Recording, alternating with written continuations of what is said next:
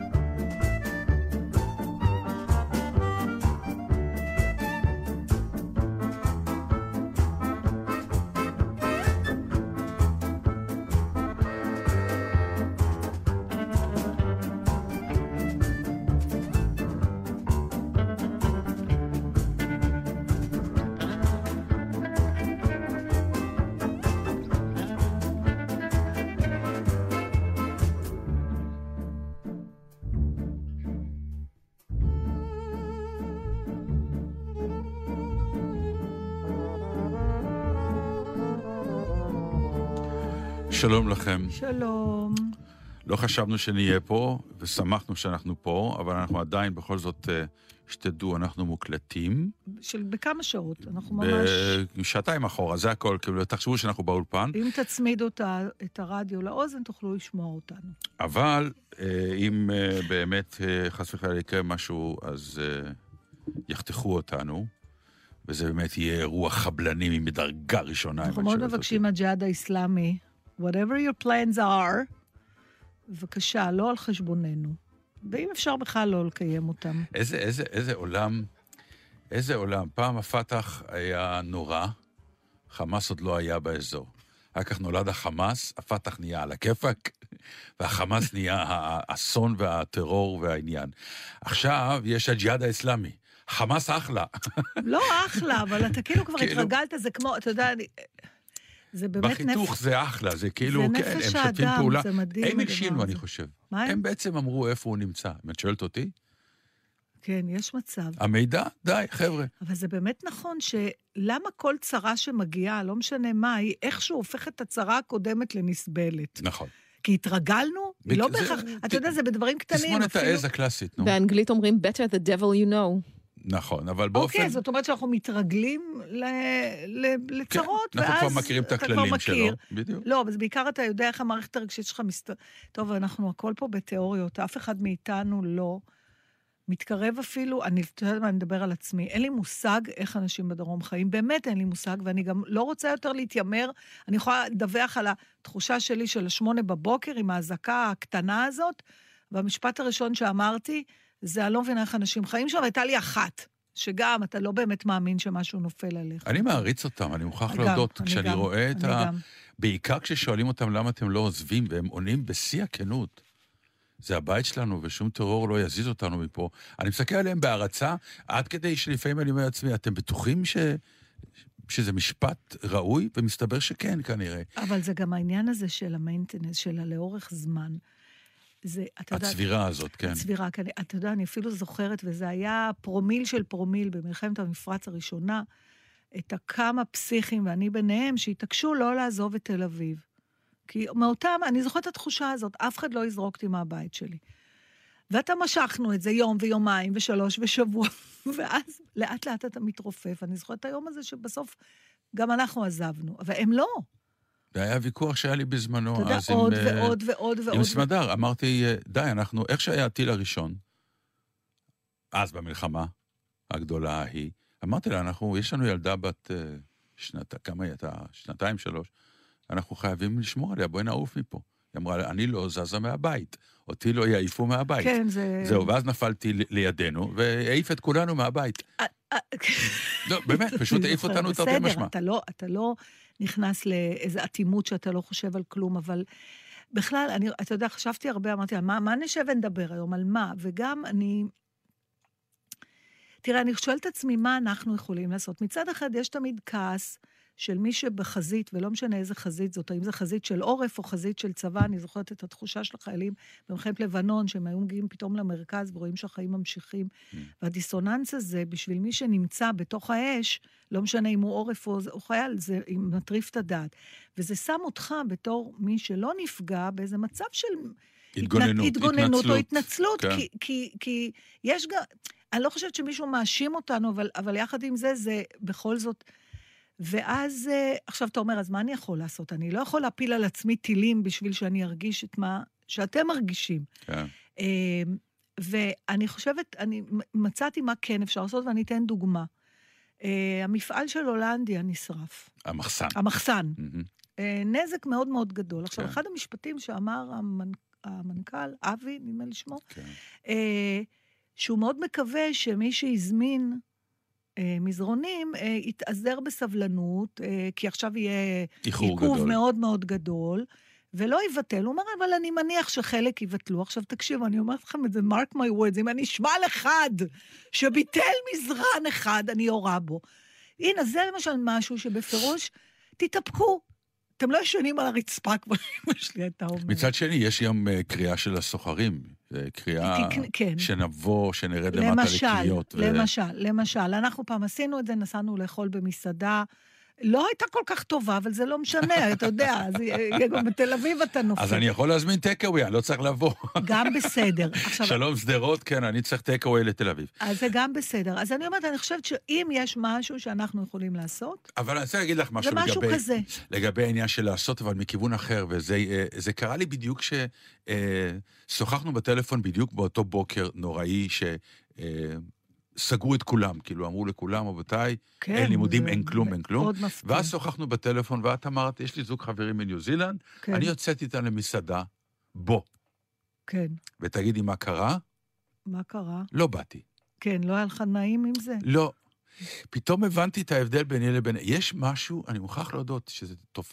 אני נכנס למצב רוח אה, מאוד מדוכדך כל פעם כשמתחיל אה, נכון. סוג כזה של... אני, אני, אני כמו שבלול, אני מתכנס בתוך עצמי, ולא מפחד או לא, זה, משהו. לי- אני חושבת ש... יש איזה דכדוך מזה שאתה אומר עוד פעם הרוטינה הזאת, שאין אופק של כלום. אני אתה אומר, חושבת שזה גם שוב, סולידריות. יש תחושה יכול של להיות, סביב. אני לא לא- היה לי את האורחים האלה, אני לא חוש- אני לא רציתי משהו- את זה, היה מין...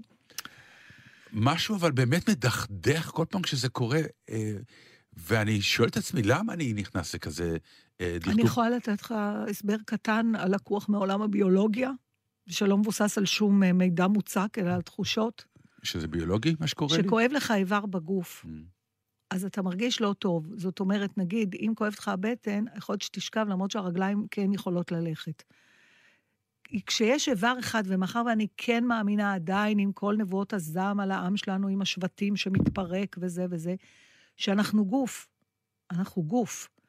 ו- וכשאיבר אחד חוטף משהו, אז הגוף, השאר הגוף לא באמת בריא, הוא לא באמת מרגיש נורא טוב. ו... אוקיי, יכול להיות. אני באמת חושבת, כאילו. אתה, אתה יודע, זה פה, זה אנשים... זה מק... לך ביטלו פרמיירה של הצגה. עכשיו, זה לא האינטרס שלך האגואיסטי של אוי, למה אין לי פרמיירה.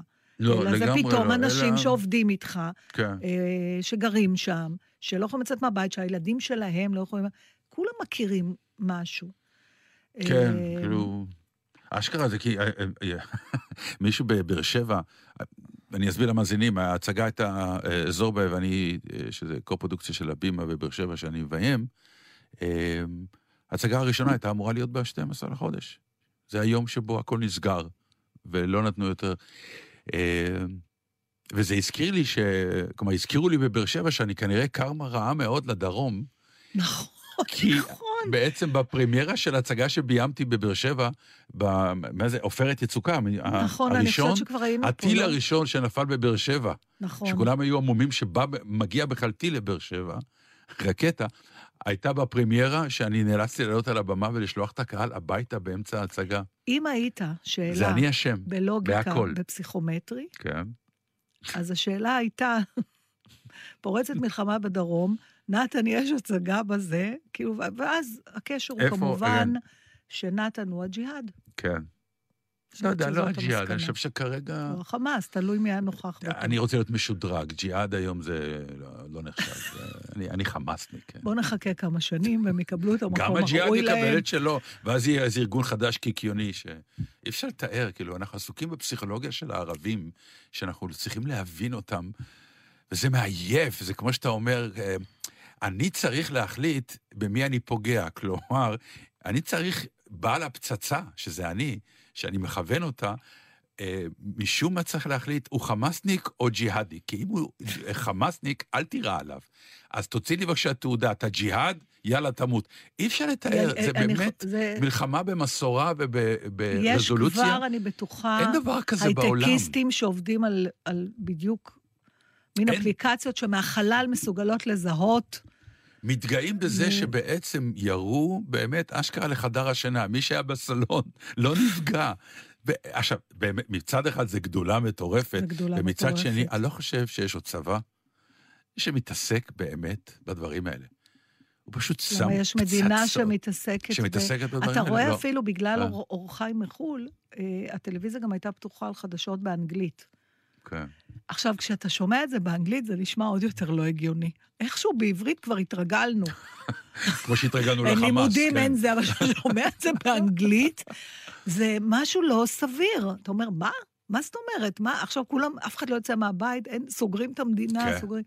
כן, טוב, אה, נו, ברברנו מספיק בנושא. אה, אז בואו נעשה שיר ונעבור קצת ובהחלט, הלאה. אה, חברים, לפחות בעניין הכלכלי, אה, זה מה שאני חושבת, העורף המוגן יותר יכול לעשות לא, בשביל גם זה. מבחינה כלכלית, דרך אגב, המדינה באמת מפשלת ברמות מטורפות שם כמו בדרום. בהמון באמת, דברים, אי אפשר נכון, לסבול את זה כבר. נכון, אז כמו בהרבה דברים... שמעתי ה- אתמול כמה בעלי עסקים שדיברו ברדיו, ואתה שומע, לי- יש, את יודעת, לפעמים אל אתה שומע... תרגיז אותי, נתן, זה מרגיז אותי כל כך אני עכשיו. יודע, לא, אבל אני אומר, אה, לפעמים אתה שומע אנשים, אז אתה שומע את המניפולציה קצת מאחורה, ואת ה... את יודעת, את, ה, את הרצון לומר יותר כדי לקבל פחות, כל, כל השטויות האלה, הפוליטיקות. אתמול דיברו אנשי עסקים באמת מ- מדם ליבם, באמת ניסו להסביר מה זה לנהל מסעדה.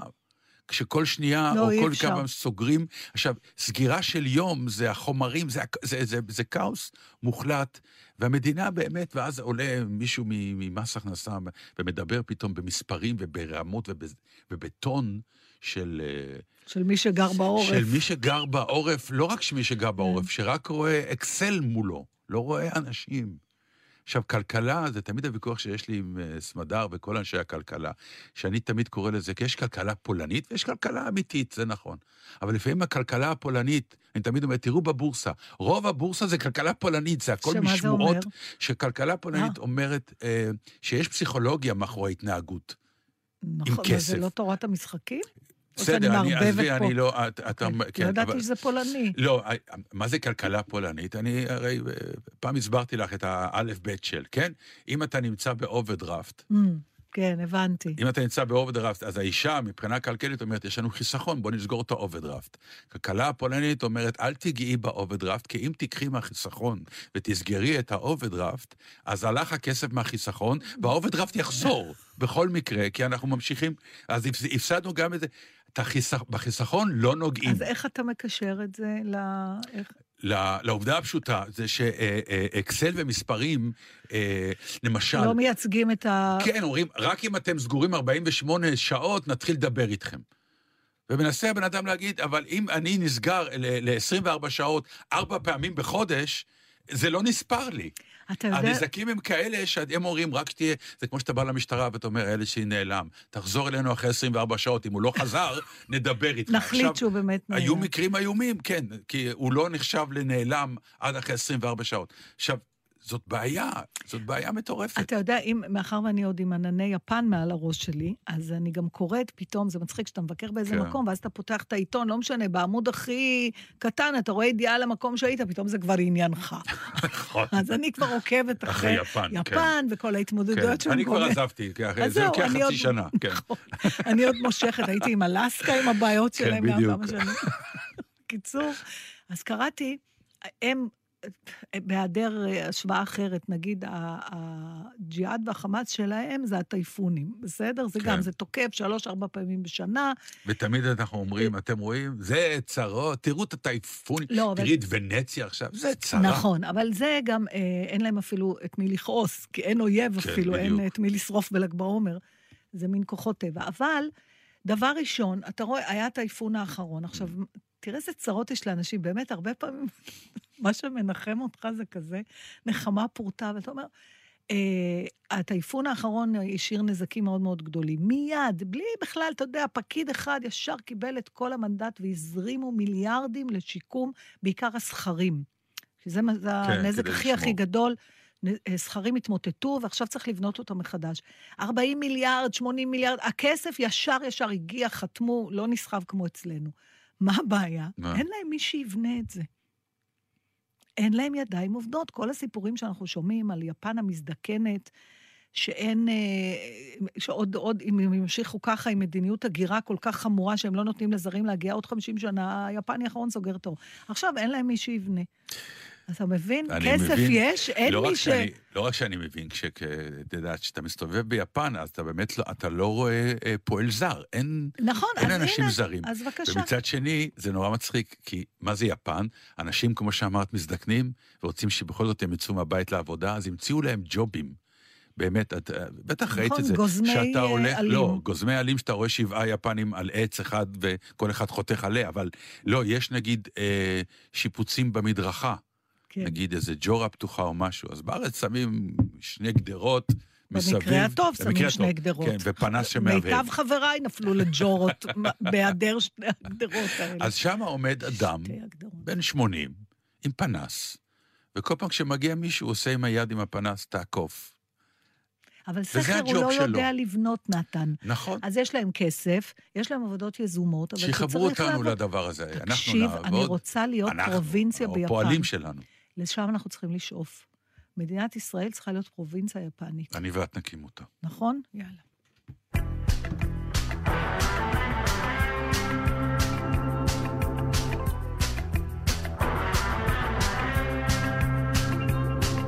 שבאו חברים יום יום לשבת על כוסית או שתיים סיפורי ילדות סיפרנו על שטיח בפינה חתול ישב לו. קפה שחור מספלים קטנים, תקליטים, קוביות ומשחקים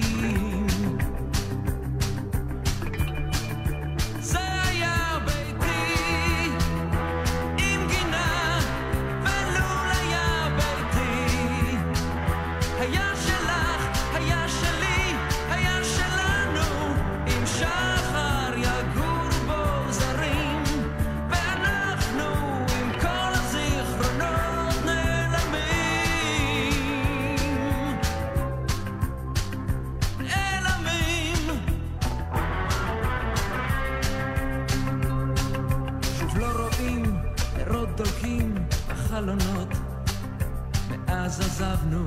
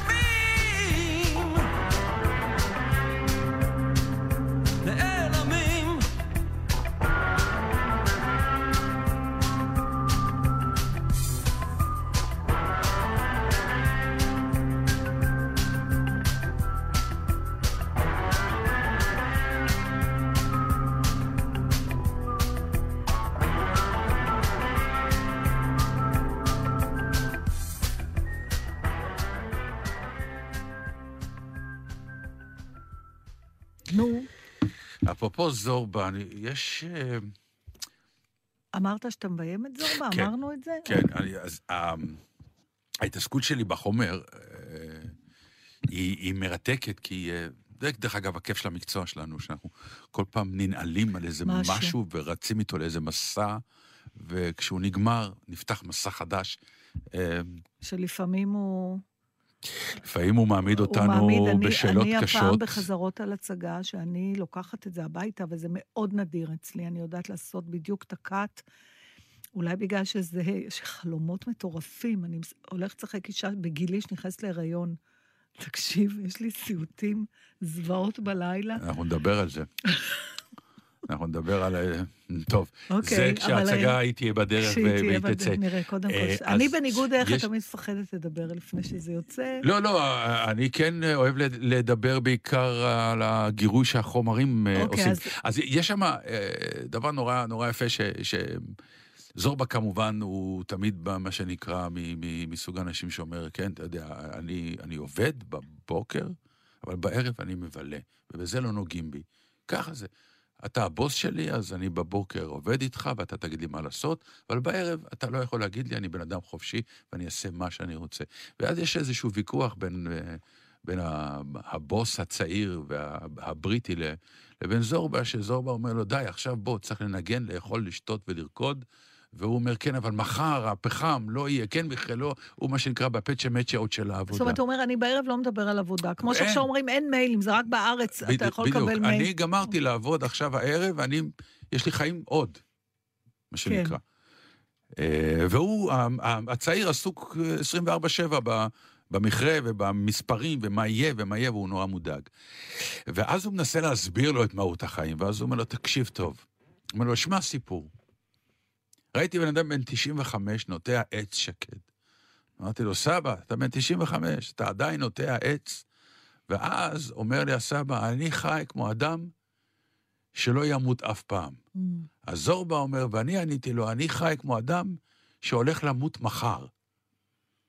מי צודק בינינו? זה אותו דבר. לא. למה לא? תחשבי רגע. מבחינת ה... אה, אתה אומר מבחינת זה שאני יכול לדחות כל דבר, אני אומר, יודע שאני לא אמות אף אני פעם. יכול, אני חי כמו אחת שלא ימות אף פעם, אז גם בגיל 95 לא אכפת לי לטעת עץ שקד, כי אני עוד יכול...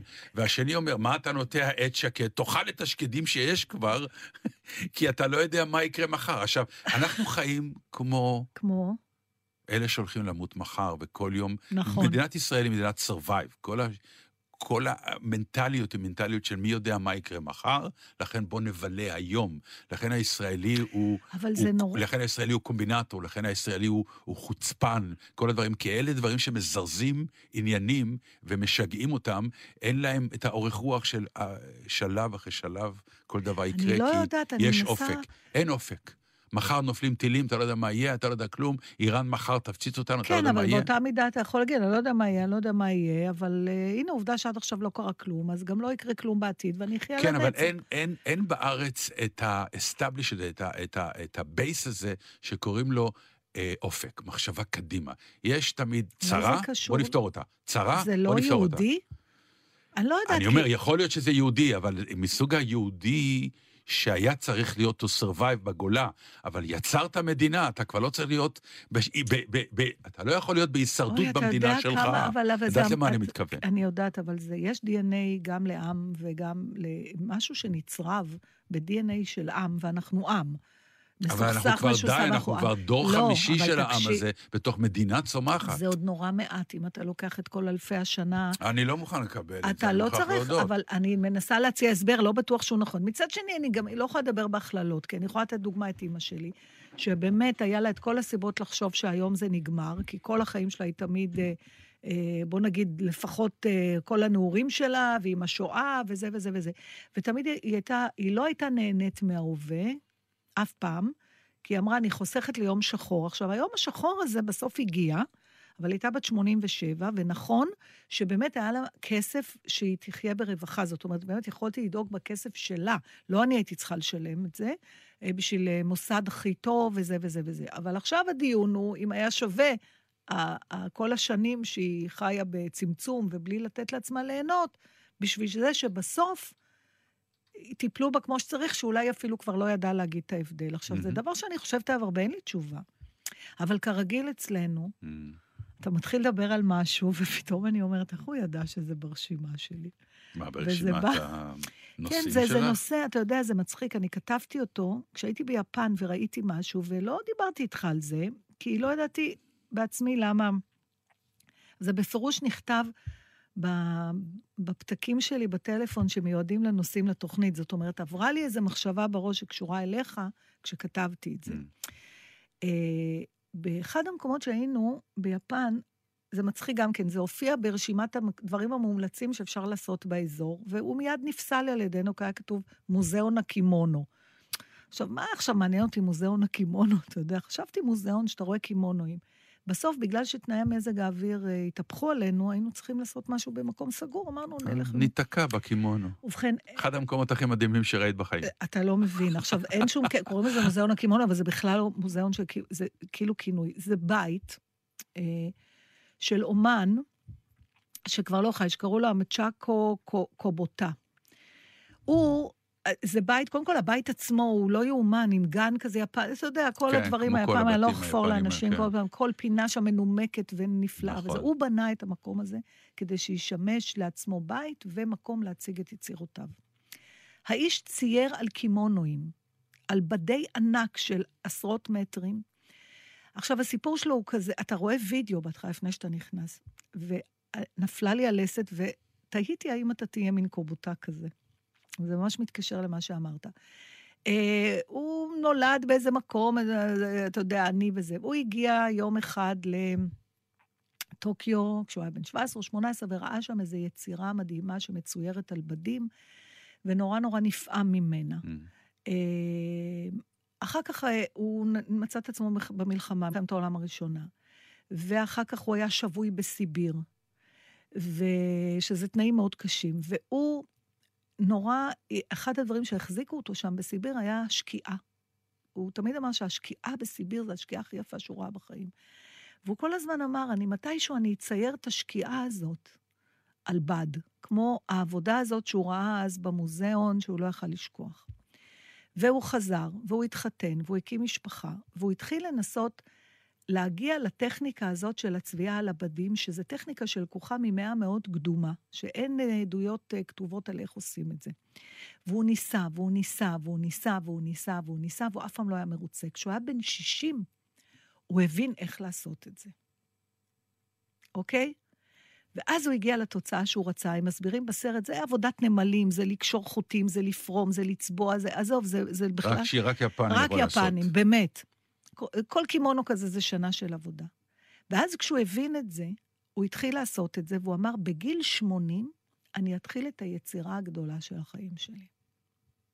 כי עכשיו רק הבנתי, בגיל זה 60, 20 שנה אני צריך 20 לצבור שנה אני צריך ניסיון לצבור את הניסיון, ולהבין. ו- ואז כשהוא הגיע לגיל 80, הוא התחיל את היצירה הגדולה של החיים הוא שלו. סיים אותה? אני תוהה, מה אתה רוצה לשמוע? שכן, מאוד. אוקיי, היצירה הגדולה של החיים שלו, גם היה לו, אחר כך עשו לו הומאז' גדול במוזיאון, במטרופוליטן. ב... הוא לקח את אותם בדי ענק, וזה חילק אותם לעונות, אביב, סתיו, חורף, כן. קיץ, כן? זה חיבור של 80 קימונואים לכלל יצ... תקשיבו, זה משהו שאי אפשר לתאר את זה בכלל לעוצמה. אה, וכשדיברו איתו על זה, הוא, הוא מתראיין גם, הוא אומר, אה, אני, אני כמה ש... אני... אה, הוא אמר, בגיל 100 אני אגמור את היצירה הגדולה שלי. לא, הוא לא גמר, הוא הספיק שתי עונות. ארבע שנים לכל עונה. איזה? אה, נדמה לי שאביב וסתיו. אבל רציתי, אז עכשיו, למה רשמתי את זה? אמרתי, וואלה, מעניין אם אני שואלת את נתן, אה, למה אתה מתחבר לזה? אתה יכול להגיד, אני את הדבר הגדול שלי עוד לא עשיתי. אבל אני אעשה אותו, יש לי את הזמן, ואני אני אתחיל את זה כשאני אהיה מוכן. כלומר, הפחד מזה שאני אמות לפני לא קיים, כמו אצלו, אצל היפני הזה. כן, המחשבה על מוות בכלל לא הייתה קיימת. הוא באמת חי לא. כאילו שהוא אה, יחיה לעולם. אני לא יודעת אם היא לא הייתה קיימת, אבל לפחות הוא לא נתן לה להיות חלק מהשיקולים. כן, כן, אם ברור. הוא יגיע, כן. יגיע, אבל אני לא יכול... אני לא יכול לתכנן את החיים שלי בדיוק. מתוך ידיעה שמחר אני מת. שזה- ו... שזה השאלה ששאלת אותי לפני עשר דקות, כן. שזה זה... היה מאוד, אה, מאוד מדהים. אבל כשאתה חושב על דברים, כי אתה דווקא מ- מהרבה חברים שלי, יש כן לך... חושב קדימה. זה לא סתם חושב, כי אתה פעם אמרת לי, אמרת, אני מנהל את הקריירה שלי, אבל אני חושבת שאתה גם מנהל עוד דברים בחיים שלך, לא? באופן עקרוני. או, ש... או שכבר לא. זאת אומרת, כמה אתה חושב קדימה? אוקיי, נשאר בקריירה. לא, מתי אה, אתה אה, רגוע? שיש לך צבר הזמנות של מה? של שנה, של שנתיים? אה, מבחינת צבר של אה, שאתה- אירועים כן. שאני יכול להיות שקט, זה אה, מספיק לי אחד קדימה, או שניים עושה אותי מאושר. אוקיי. כן. אה, ומה ואני אני מנסה לדאוג שזה יקרה. ועכשיו, כמו עכשיו, למשל, מה שתכננתי בוטל, אז זה פתאום נתן לי בום אבל בתוכנית. זה לא תלוי בך, ויש לך למשל דברים נכון. שאתה אומר, אוקיי, אני רוצה לעשות את זה, אבל עוד לא. זה אני צריך לחכות. זה אחת התשובות שעניתי. כשהציעו לי, הציעו לי עכשיו תפקיד. כן. ואמרתי, תראו, אה, זה תפקיד נהדר, אבל אה, סליחה שאני אומר, וזה כיף לי לומר, אבל אני עדיין צעיר לו, ולכן זה לא יהיה מספיק מרגש. ואני... אה, וזה... אז המחשבה שלא תגיע לגיל הנכון לשחק אותו, לא עברה לך בראש? לא, יפה. לא. אז ניצחנו משהו מההורים שלנו. לא? לכן אני מנסה להסביר לך שזאת המחשבה שצריכה להיות בדור שלנו, ובטח של הילדים שלנו, כשיתחילו לנהל פה את המדינה. לא בלפתור רק צרות ובעיות, אלא עם סוג של אופק, סוג של לראות הרבה יותר קדימה. אני חושבת ממה שצריך שחושבים עוד פה בדרך אלפיים כלל. שנה פה בשביל להתאזן לא, עם לא, האלפיים. פחות, פחות. אני רואה את הילדים שלך, אני רואה את הילדים שלי, זה כבר דור באמת, אתה זוכר דור מה? מצוין, מדהים. נכון, האמת שבאמת מצוין. שיודע המון, רואה קדימה. טוב, תפסיק, שלא יעלה להם לראש. לא, לא, אבל זה כל הדור, זה לא רק הם הילדים שלנו. מקשיבים לנו. הילדים שלנו כשגרירים של אותו דור. זה הדור. אתה זוכר מה וודי אלן אמר על החגים היהודים? שיש כן. להם מכנה משותף אחד. ניסו להרוג אותנו, ניצלנו, בואו נאכל. כן. שום מחשבה על קדימה לא הייתה. אפילו לא שאחר כך הולכים לשירותים.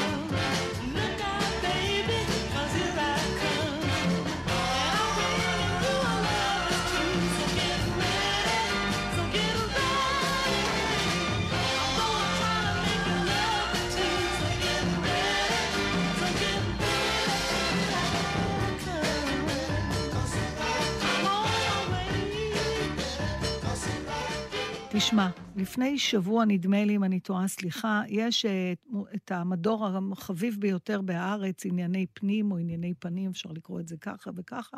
שנינו הופענו במדור הזה, מצלמים בן אדם אה, עם הפנים שלו בקלוזה, בדרך כלל אה, בלי איפור, כאילו מאוד חשוף, יש כל מיני תובנות של האדם שקשורות כאילו לחלקי הפנים שלו, זה כמובן אסוציאטיבי וזה. עכשיו, מאוד אסוציאטיבי. כן, אבל עדיין זה מרתק אותי, אני נורא אוהבת המדור הזה. אה, אני קוראת אותו תמיד, גם כשאני לא מכירה את האנשים. והאדם שהופיע אה, לפני שבוע זה אורן נהרי. ותשמע מה הוא אומר, זה, זה הדבר הראשון שמופיע. הוא אומר ככה, אבא שלי היה גבר יפה בצורה קיצונית. יש לי זיכרון ילדות מחוף הים בחיפה, כשבחורות היו מתחילות איתו. אשתי תמיד אמרה שאני מגזים ושזה דימוי של ילד, עד שפעם בהרצאה בפני קהל, קהל קשישים הציגו אותי כבן של דודיק, ולרגע נשמעה הנחה קולקטיבית על כמה שהוא היה יפה. אל מול יופיו הרב לא נותרה לי הרבה ברירה, אלא לגדול עם תודעה של מכוער. אורן נהרי מכוער, הוא לא מכוער. ברור. בגלל זה הבאתי את זה. הבנתי. פתאום, אתה יודע עכשיו, אני, אני מנסה לחשוב הן כבת של והן כאימא של. זאת אומרת, האם יש משהו שההורה שלך כל כך טוב בו? זה לא רק העניין של ה- שאתה של ואורן הטוב. נהרי, לכ- לכל הדעות, לא אבסולוטית גבר מאוד נאה. כן. אבל הוא, הוא אומר, בגלל שאבא שלי היה כל כך יפה, אז אני, אני לא יכולתי... דיברתי איתך, הייתה לי איתך פעם שיחה ארוכה נכון, על אה, הדור השני. תסמונת הדור השני של האומנים הגדולים. כלומר, הבנים של אומנים גדולים, שהאימה הזאת של הכישרון הכל כך גדול של האבא אפילו סוגרת אה, את העניין. אבל דווקא זה הצית אצלי דבר אחר. נו, זה כמה פעמים אנחנו שומעים על ההורים שלנו ב... בעדויות על זה שהם היו צעירים ומה הם עשו, כן. ואנחנו לא תמיד קולטים ומבינים, כי הורינו תמיד היו מבוגרים, ואנחנו תמיד שוכחים את העניין שהם היו כמונו, הם היו צעירים, הם התאהבו, הם, הם, הם, הם, הם, הם עשו סקס, הם אכלו, הם היו חולים, היה להם תקוות, היה להם... אה, זה קשה... וכשאתה מקבל מדי פעם, אוי, אני ראיתי את אבא שלך, אתה לא מבין כמה בחורות אהבו אותו, והוא היה... האיש הזה שישב עם בחורות." אני אומר, העיתון בסלון. אבא שלי... כלומר, אני יכול... אני מודה שלגבי אבא שלי, נכון. אני כן יכול לבוא ולהגיד, כן, יס, אני יכול להבין את זה, אבל אני... אה, אוטיזם שמח. זה לא סוגר. אני נתקלת בש... אני לא יכולה לדמיין... את יודעת, דרך אגב, למה? למה? סליחה שאני יוצא אותך רגע. כן. כי המון פעמים אני אומר, אם מספרים לי את זה, מספרים לי את זה כי רוצים להגיד לי, ככה אני מאמין, והתפוח לא נפל רחוק מהעץ. זה מה היי, אז שאני... אתה באמת, אה, אמרתי לך פעם, אצלך צינורות פתוחים, אתה כל כן. דבר שמחמיאים גם על ההורים שלך, אתה אומר, אז זה גם אני, זה- בטח קיבלתי משהו מזה. זאת אומרת, נכון. אין לך שום... עכשיו, עכשיו אני אשאל אותך שאלה יותר קשה. זאת אומרת, רק מה שרציתי להגיד אוקיי. לך קודם, זה שאני חושבת שברובנו, לא- אחד, באמת לא יכולים לדמיין את הורינו צעירים, אבל אנחנו גם באותה מידה לא יכולים לדמיין את עצמנו בגיל שלהם, אף פעם.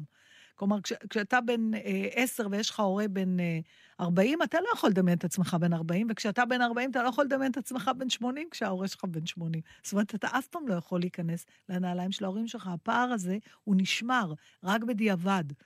וגם אז זה לא באמת אה, זה. אבל אה, רציתי לשאול אותך, האם אתה יכול להגיד אותו דבר מול הילדים שלך? שזה אומר מה? שזה אומר לא שאתה... רחוק מהעץ? לא, שאתה נורא מצטיין במשהו, ואתה גם דמות נורא מוכרת, ובכל מקום, אה, ואה, אתה הבן של דטנר, אתה הבן של דטנר, אתה הבן כן. של דטנר או הבת של דטנר. האם יש משהו בחוויה שלהם גם כן, כמו יופיו של, אה, של האבא. של האבא, ששם אותם מראש במקום שבגלל שאתה כל- כל כך מצליח, אז הם אף פעם לא, אני לא יודעת. זו שאלה מעניינת, ויום אחד אני אשאל אותם למה, כלומר, הם שניהם הראו סימנים לגבי המקצוע, והם שניהם לא הלכו על זה. אתה חושב שהיה להם כישרון לזה? כי יש גם את כן. המנין, כי הבנות שלי בזמנו שדיברו, ואני זיהיתי, הן היו מאוד קטנות וזה, אבל זיהיתי שהמוטיבציה לא הייתה נכונה. הן יותר רצו להיות מפורסמות מאשר האומנות עצמה. יכול ולכן מאוד לא להיות, יודע. אבל ב- במה שראיתי בעשייה שלהם, הם היו מוכשרים. זאת אומרת, היה שם את הנבט שם. הזה. הנבט היה, אה, אבל מה גרם להם לא ללכת לשם, אה, איך אומרים, זו שיחה שעוד לא ניהלתי איתם אף פעם, ואני גם לא רוצה לפתוח את זה. לא, אה, זהו. ממש לא. אנחנו לא רוצים לחשוב שאנחנו אשמים לגבי משהו. אני, זהו שאני לא ממש מטיל אשמה עלינו, כי uh, זאת, זאת לא אשמה. זה סיטואציה גם אה, אבא של קיימת. אורן לא עשה משהו בכוונה להיות נורא יפה, ובטח ובטח שהוא לא חשב שגם אם הוא ניחן במתנה הזאת, כן, אבל הבן שלו להפוך- יפה, אין פה, זה לא שאתה אומר, טוב, יצא. איזה קווזימודו. אבל זה, בגלל זה, ואם זה יוצא קווזימודו, לא היה פה דיון, אבל מה שעורר לי את הוואו, זה שבאמת גבר נאה כמו אורן נהרי, אה, לא, חושב- לא חושבת שהוא באמת מסתובב בעולם תחושה שהוא מכוער, אבל, אבל, אבל משהו בזה כנראה נכון, אחרת הוא לא היה אומר את זה. אני מודה שאני אני חושב שהסיפור שלו יותר הלך לכיוון שלי, ולא לכיוון של ההשוואה ביופי, אלא לעניין אני של... לא יודעת, זה היה לי להסתובב- אבא, מה שנקרא... עזוב, בוא ניקח, הילדים של ניקול קידמן, איזה סיכוי יש לבת של ניקול קידמן, או לבת של גרייס קלי, או לא יודעת כאלה, לגדול בתחושה שהיא נורא יפה. אם כל הזמן יש לך איזה מין השוואת אולימפוס כזה. זה, אם אומרים לך שגם את יפה, יש את הסידני קרופורד, הבת טוב, היא שלה. נראית ממש כמו העתק אה, שלה, ולך תדע מה מתרחש בליבה פנימה. כן, אבל היא כאילו כן לא- יצרה לעצמה קריירה משלה. כלומר, היא נכון. מספיק יפה כדי לבוא ולהגיד, אה, יש לך אימא יפה, אבל גם את מדהימה, ויש טוענים אפילו יותר, כי יש שם עוד איזה טוב, במקרה שלה. באמת זה מאוד ברור. אבל יש גם מקרים כאלה פשוט, זהו. שאחת הבעיות זה שיש מקרים כאלה, וכולם רוצים מהמקרים היה- האלה להשליך על הכלל. אבל זה לא לא. ככה, כי לא. לפעמים הדור השני נאה מאוד, רוב... אבל הוא לא עוצר נשימה ביופיו, או בחוכמתו. הילד של איינשטיין, יש סיכוי לילד של איינשטיין? מי שמע עליו בכלל? אבל אה, באמת, רוב החברים שלי והילדים שלהם, רובם, אתה מסתכל, אני מדבר על האנשים שכאילו נהיו כוכבים, על רובם אתה מסתכל, רוב, באמת למעלה מ-80 אחוז לא באזור. וזו שאלה מעניינת, האם זה התסמונת באמת של האבא המפורסם? כמו שאמרת לך, ההבדל נגיד בין הבת שלי לבין הבן שלי, זה שהבת שלי ניסתה לא לומר, תמיד שאלו אותה, איך קוראים לך? היא אמרה, שרון. כדי לא להגיד את כן. השם משפחה דטנר, כי היא אמרה, לבד, אני רוצה לבד, בלי שיהיה שום image עליי, או ששום דלת לא תיפתח סתם. והילד שלי היה תמיד אומר, כן, יובל דטנר, אני הבן של, הוא אפילו מיד הוסיף את הוא ניצל את הנתון. זה, אבל זה לא רק אצל אומנים שהם celeb. וזה לא סגר אותו, הוא, הוא כאילו אמר, יאללה, אני הולך עם ה... תקשיב, בנים של רופאים. כן. רופא, יש רופאים שהם כוכבים. כן, היו נכון. פעם, בטח, אתה יודע, שבאמת שמם יצא למרחוק, והילדים שלהם בחרו ללכת בעקבותיהם, או ילדים של עורכי דין, זה לא משנה, אתה לא חייב להיות נורא ידוע אה, בתור סלבריטי כזה, ש... מהמם. מתחום התיאטרון או הקולנוע, אלא אתה יכול להיות פשוט איזה ברור, סלב של משהו. של משהו, מת- אבל סלב ברפואה, זה בדרך כלל יש איזו סיבה גם. כאילו, הוא אמור להיות באמת רופא טוב, זה לא סתם... את רוצה לפגוע היום- בסלביות שלי ושלך? לא, לא, בכלל לא, אני להפך, אני נדרשת גם, ל- אני לא יודעת, אולי באופן גורף לא כדאי לילדים בכלל ללכת בעקבות ההורים שלהם. לא, זו אמירה נחרצת כן? מדי, בטח. דווקא באופן טבעי, אם תסתכלי, רובם בדרך כלל נוטים ללכת. בטח במקצועות כמו רופאים ועריכות, כן, כי זה ועורכי דין. בבית. זה. כל האווירה, אתה גדל לתוך זה, ואתה כבר, מה שנקרא, אתה בשוונג. אה, אני הייתי מצפה, זה נכון, ואני ותמיד יש איזו שחקנית פתאום, והיא תמיד אומרת, אני הכבשה השחורה במשפחה. הכבשה השחורה, אצלנו כולם נכון, עורכי דין ומהנדסים, נכון. רק אני יצאתי הכבשה השחורה. לא, את הזהב, הם הכבש... הכבשים האלה שהלכו ב... עם העדר. מה אני קרה לא לך? בטוחה שזה הלך עם... אבל אה, זה, זה מפתיע, כי באופן... אני הייתי מצפה ממישהו שגדל בבית, שהוא רואה את ה... במיוחד מקצועות טוטאליים, כן? של אתה לא גומר בחמש וזורק את העיפרון, אלא זה בא איתך הביתה בכל מיני... שתראה גם את הבעיות במקצוע הזה ותגיד, לא, לא, זה אני לא רוצה. אני זוכרת ש... אתה יודע מתי נרגעתי מזה שהבת שלי הבכורה תהיה שחקנית? אמרתי, זה כבר לא יהיה, Mm. תודה לאל, זה היה בגללך. אוי, כן, היא הייתה סדרנית, היא הייתה בת 16, והיא הייתה סדרנית בקאמרי, והיה בדיוק כנר על הגג בתקופה הזאת, כן. וכל פעם תקעו אותה דווקא בכנר על הגג, ואחרי הפעם החמישית, היא חזרה הביתה, אמרה, איזה מקצוע יש לכם? כל יום אתם אומרים אותו דבר. אמרתי, אוקיי, שם הסכנה חלפה. עוד שלוש שעות. כן. היא כל יום היא, היא אמרה לי, גם את זה, כשאני כן. בחוץ קוראת ספר, אני שומעת שהוא שר, מסורת! I want to talk to you. The last time we talked, Mr. Smith, you reduced me to tears. I promise you it won't happen again. Do I attract you? Do I repulse you with my queasy smile? Am I too dirty? Am I too flirty? Do I like what you like? I could be wholesome, I could be loathsome, guess I'm a little bit shy. Why don't you like me? Why don't you like me without making me try? I try to be like Grace Kelly, but all her looks were too tried a little Freddy. Mm -hmm. I've got an entity mind.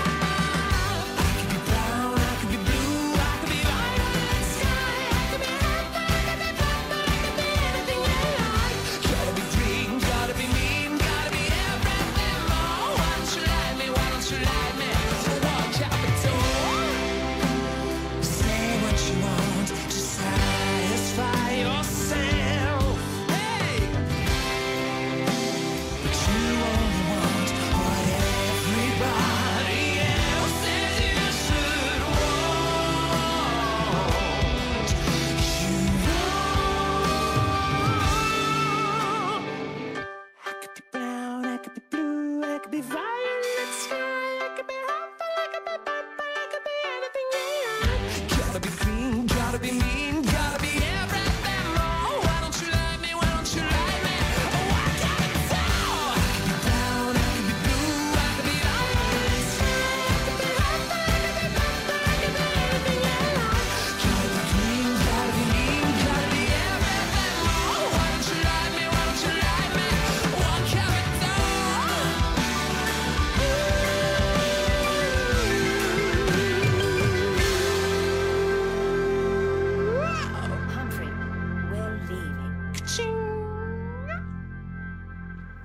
אז מה עכשיו?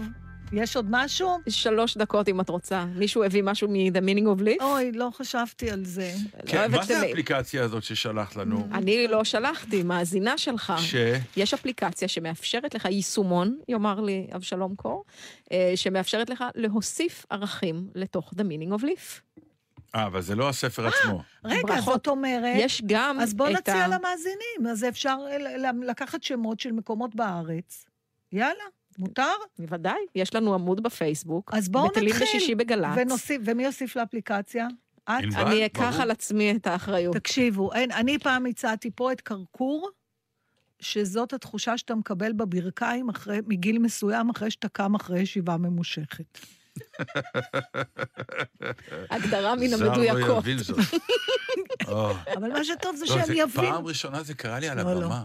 זה לוקח כמה. דקות עד שאתה מגיע לגובה המלא. ממש הייתי בשוק כשזה קורה לי. אמרתי לעצמי, מה? זה קרקור. כאילו הי- הייתי צריך לרדת על הברכיים כאילו כזה, כן. ואז ל- להתרומם מהר, כי הייתי סוג של מורה וחטפת לריקוד, קרקור. ואני לא מתרומם. נכון. ואז פתאום יוצא לי, "אה!" ואז קמתי, ואמרתי, מה הולך פה? בדיוק. פתאום אתה מרגיש את המפרק הזה שאף מה פעם זה לא חשת. קרקור היה לי? קרקור, בדיוק. באופן, איך אומרים? זה היה קר בברך הראשונה וקור בברך השנייה. אז בבקשה, טוב. אה, חברים. אתגרנו אתכם. אפשר לסיים את התוכנית עכשיו. ואנחנו מעכשיו נקדיש כל פעם גם אה, להצעה טובה. של אם הן יהיו טובות, בארץ. אני לא מתחייבת על שום לא, דבר. אנחנו בכלל לא אגב, מתחייבים. תנסו לקחת מקומות באמת של יישובים לא מוכרים, כי זה חלק מהמשחק. נ- זה נכון. לא מקומות שאנחנו מכירים. כן, את תל אביב בעולם אה, מכירים, את ירושלים, הם יודעים מה בדיוק. יש שם, הם לא יקנו את זה. אבל אתם מפסידים את הנקודה, אפשר לקחת, זה לא העניין של...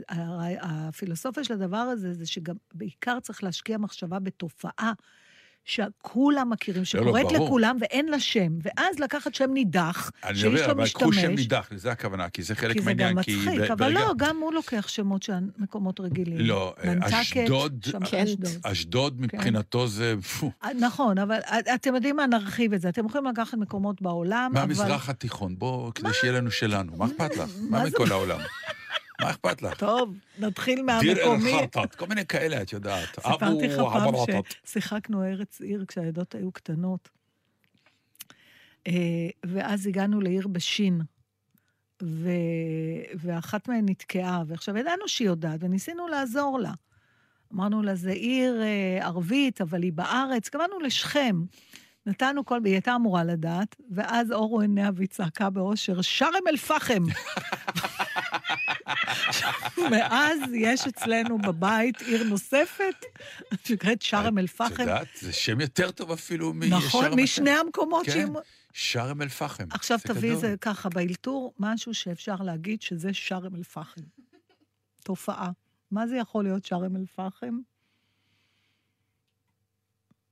לא בא לי, גם לי לא בא. כי זה מורכב. נכון, אבל צריך שארם לחשוב זה. אל-פחם. כי זה צליל מאוד מעניין. נכון. שארם אל-פחם. אנחנו נחשוב על זה לשבוע הבא. שבוע תודה. הבא, אני. חושבת שזה משהו, כשה, מה שקורה כשאתה פותח את הסיר ורואה שכל השליש האחרון נשרף לך. זה קורה, ל- זה קורה בצ'ונט, כאילו הלמעלה נראה בסדר, כן, ואתה כן. שם את, אתה שם את הכף, אתה שומע פניו, זה פוגע במשהו מוצק. זה לא שארם אל-פחם. לא, זה לא שארם אל-פחם, זה לא. צריך- את הצליל, זה כאילו... אה, טוב, אנחנו נחשוב, זה תחשבו כאילו גם אה, אתם. צפת. במכה. לא, לא, זה משהו הרבה יותר, כי זה בא עם עוגמת נפש. אבל אוקיי, יכול להיות שזה עוד לא מדויק עד הסוף. אבל... תודה אה, לאבישג זה- לאסף שוסטר ולגרם תודה ג'קסון. לכולם, ובאמת סליחה ומחילה שהקלטנו, אבל אנחנו גם עובדים לפעמים בשישי בצהריים, ו... ושארם אל-פחם. ושארם אל-פחם, אבל תקשיבו לנו, וגם מהג'יהאד האיסלאמי. הבנו? תודה, נחזור תודה. אליכם. בדיוק.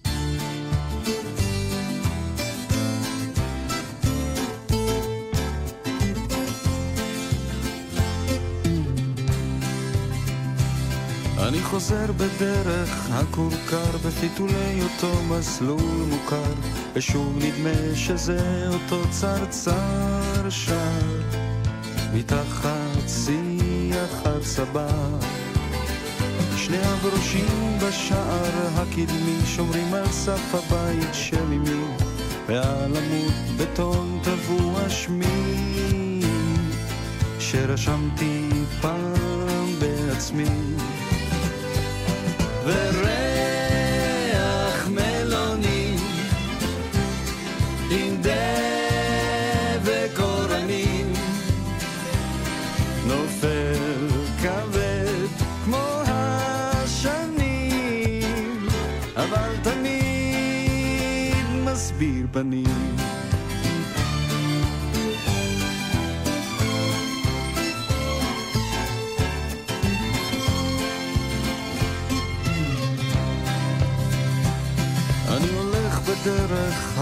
הכורכר ומחפש את כל ילדי הכפר שורק פזמון מתוך שיר הקטר. אך לאיש זה לא מזכיר דבר. באופניים שחצו שדות גלגל חסר כנפיים חלודות ועל העץ תלויות שתי נדנדות. רק ברוח הן מתנדנדות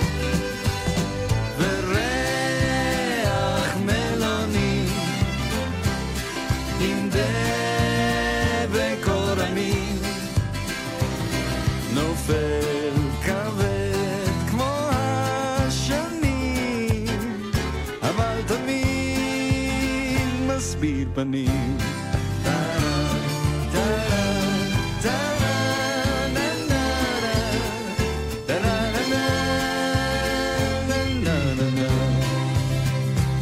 אני יוצא בדרך הכורכר, אני חושב על אפר ועפר, על מה עכשיו ומה שבעבר, ועל זה שכבר מחשיך וקר. וריח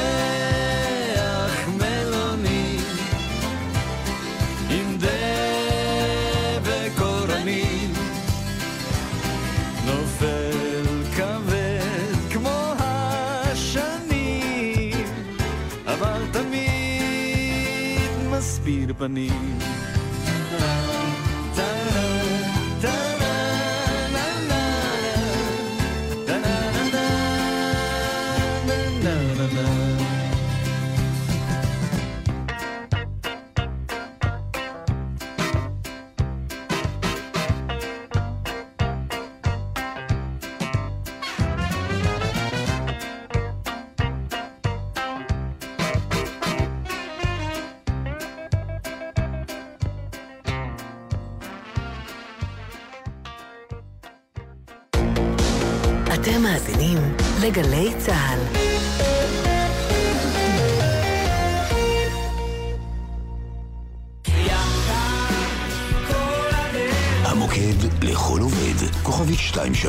2383, ההסתדרות, הבית של העובדים בישראל. 25 שנה לגלגלצ. אלבום כפול. תבואי אליי, נשאר כל הלילה. We only said goodbye. 40 שירים, עבריים ולועזיים. שבט. עכשיו בחנויות הספרים והמוזיקה. ביום הזיכרון, גלי צה"ל במשדר ההנצחה המרכזי. אלה האחים שלי, חיילים, מלחינים ומבצעים שירי נופלים.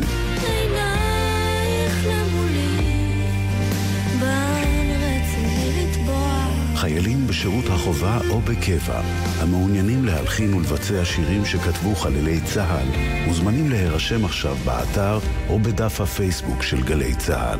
ההרשמה נסגרת ב-30 בנובמבר. כאשר אני ואת, מופע מחווה מיוחד למלחינה והמוסיקאית אלונה טוראל, שהלכה השנה לעולמה. שיריה היפים בביצועים של מיטב האומנים. משתתפים אגי משעול, אלון עדר, אריאל הורוביץ, דורי בן זאב, יוני רכטר, נורית גלרון ועוד. במסגרת פסטיבל הפסנתר של תל אביב. מחר, תשע בערב, באולם אסיה במוזיאון תל אביב, ובשידור חי בגלי צה"ל. אדבר איתך. מיד אחרי החדשות, אהוד בנאי.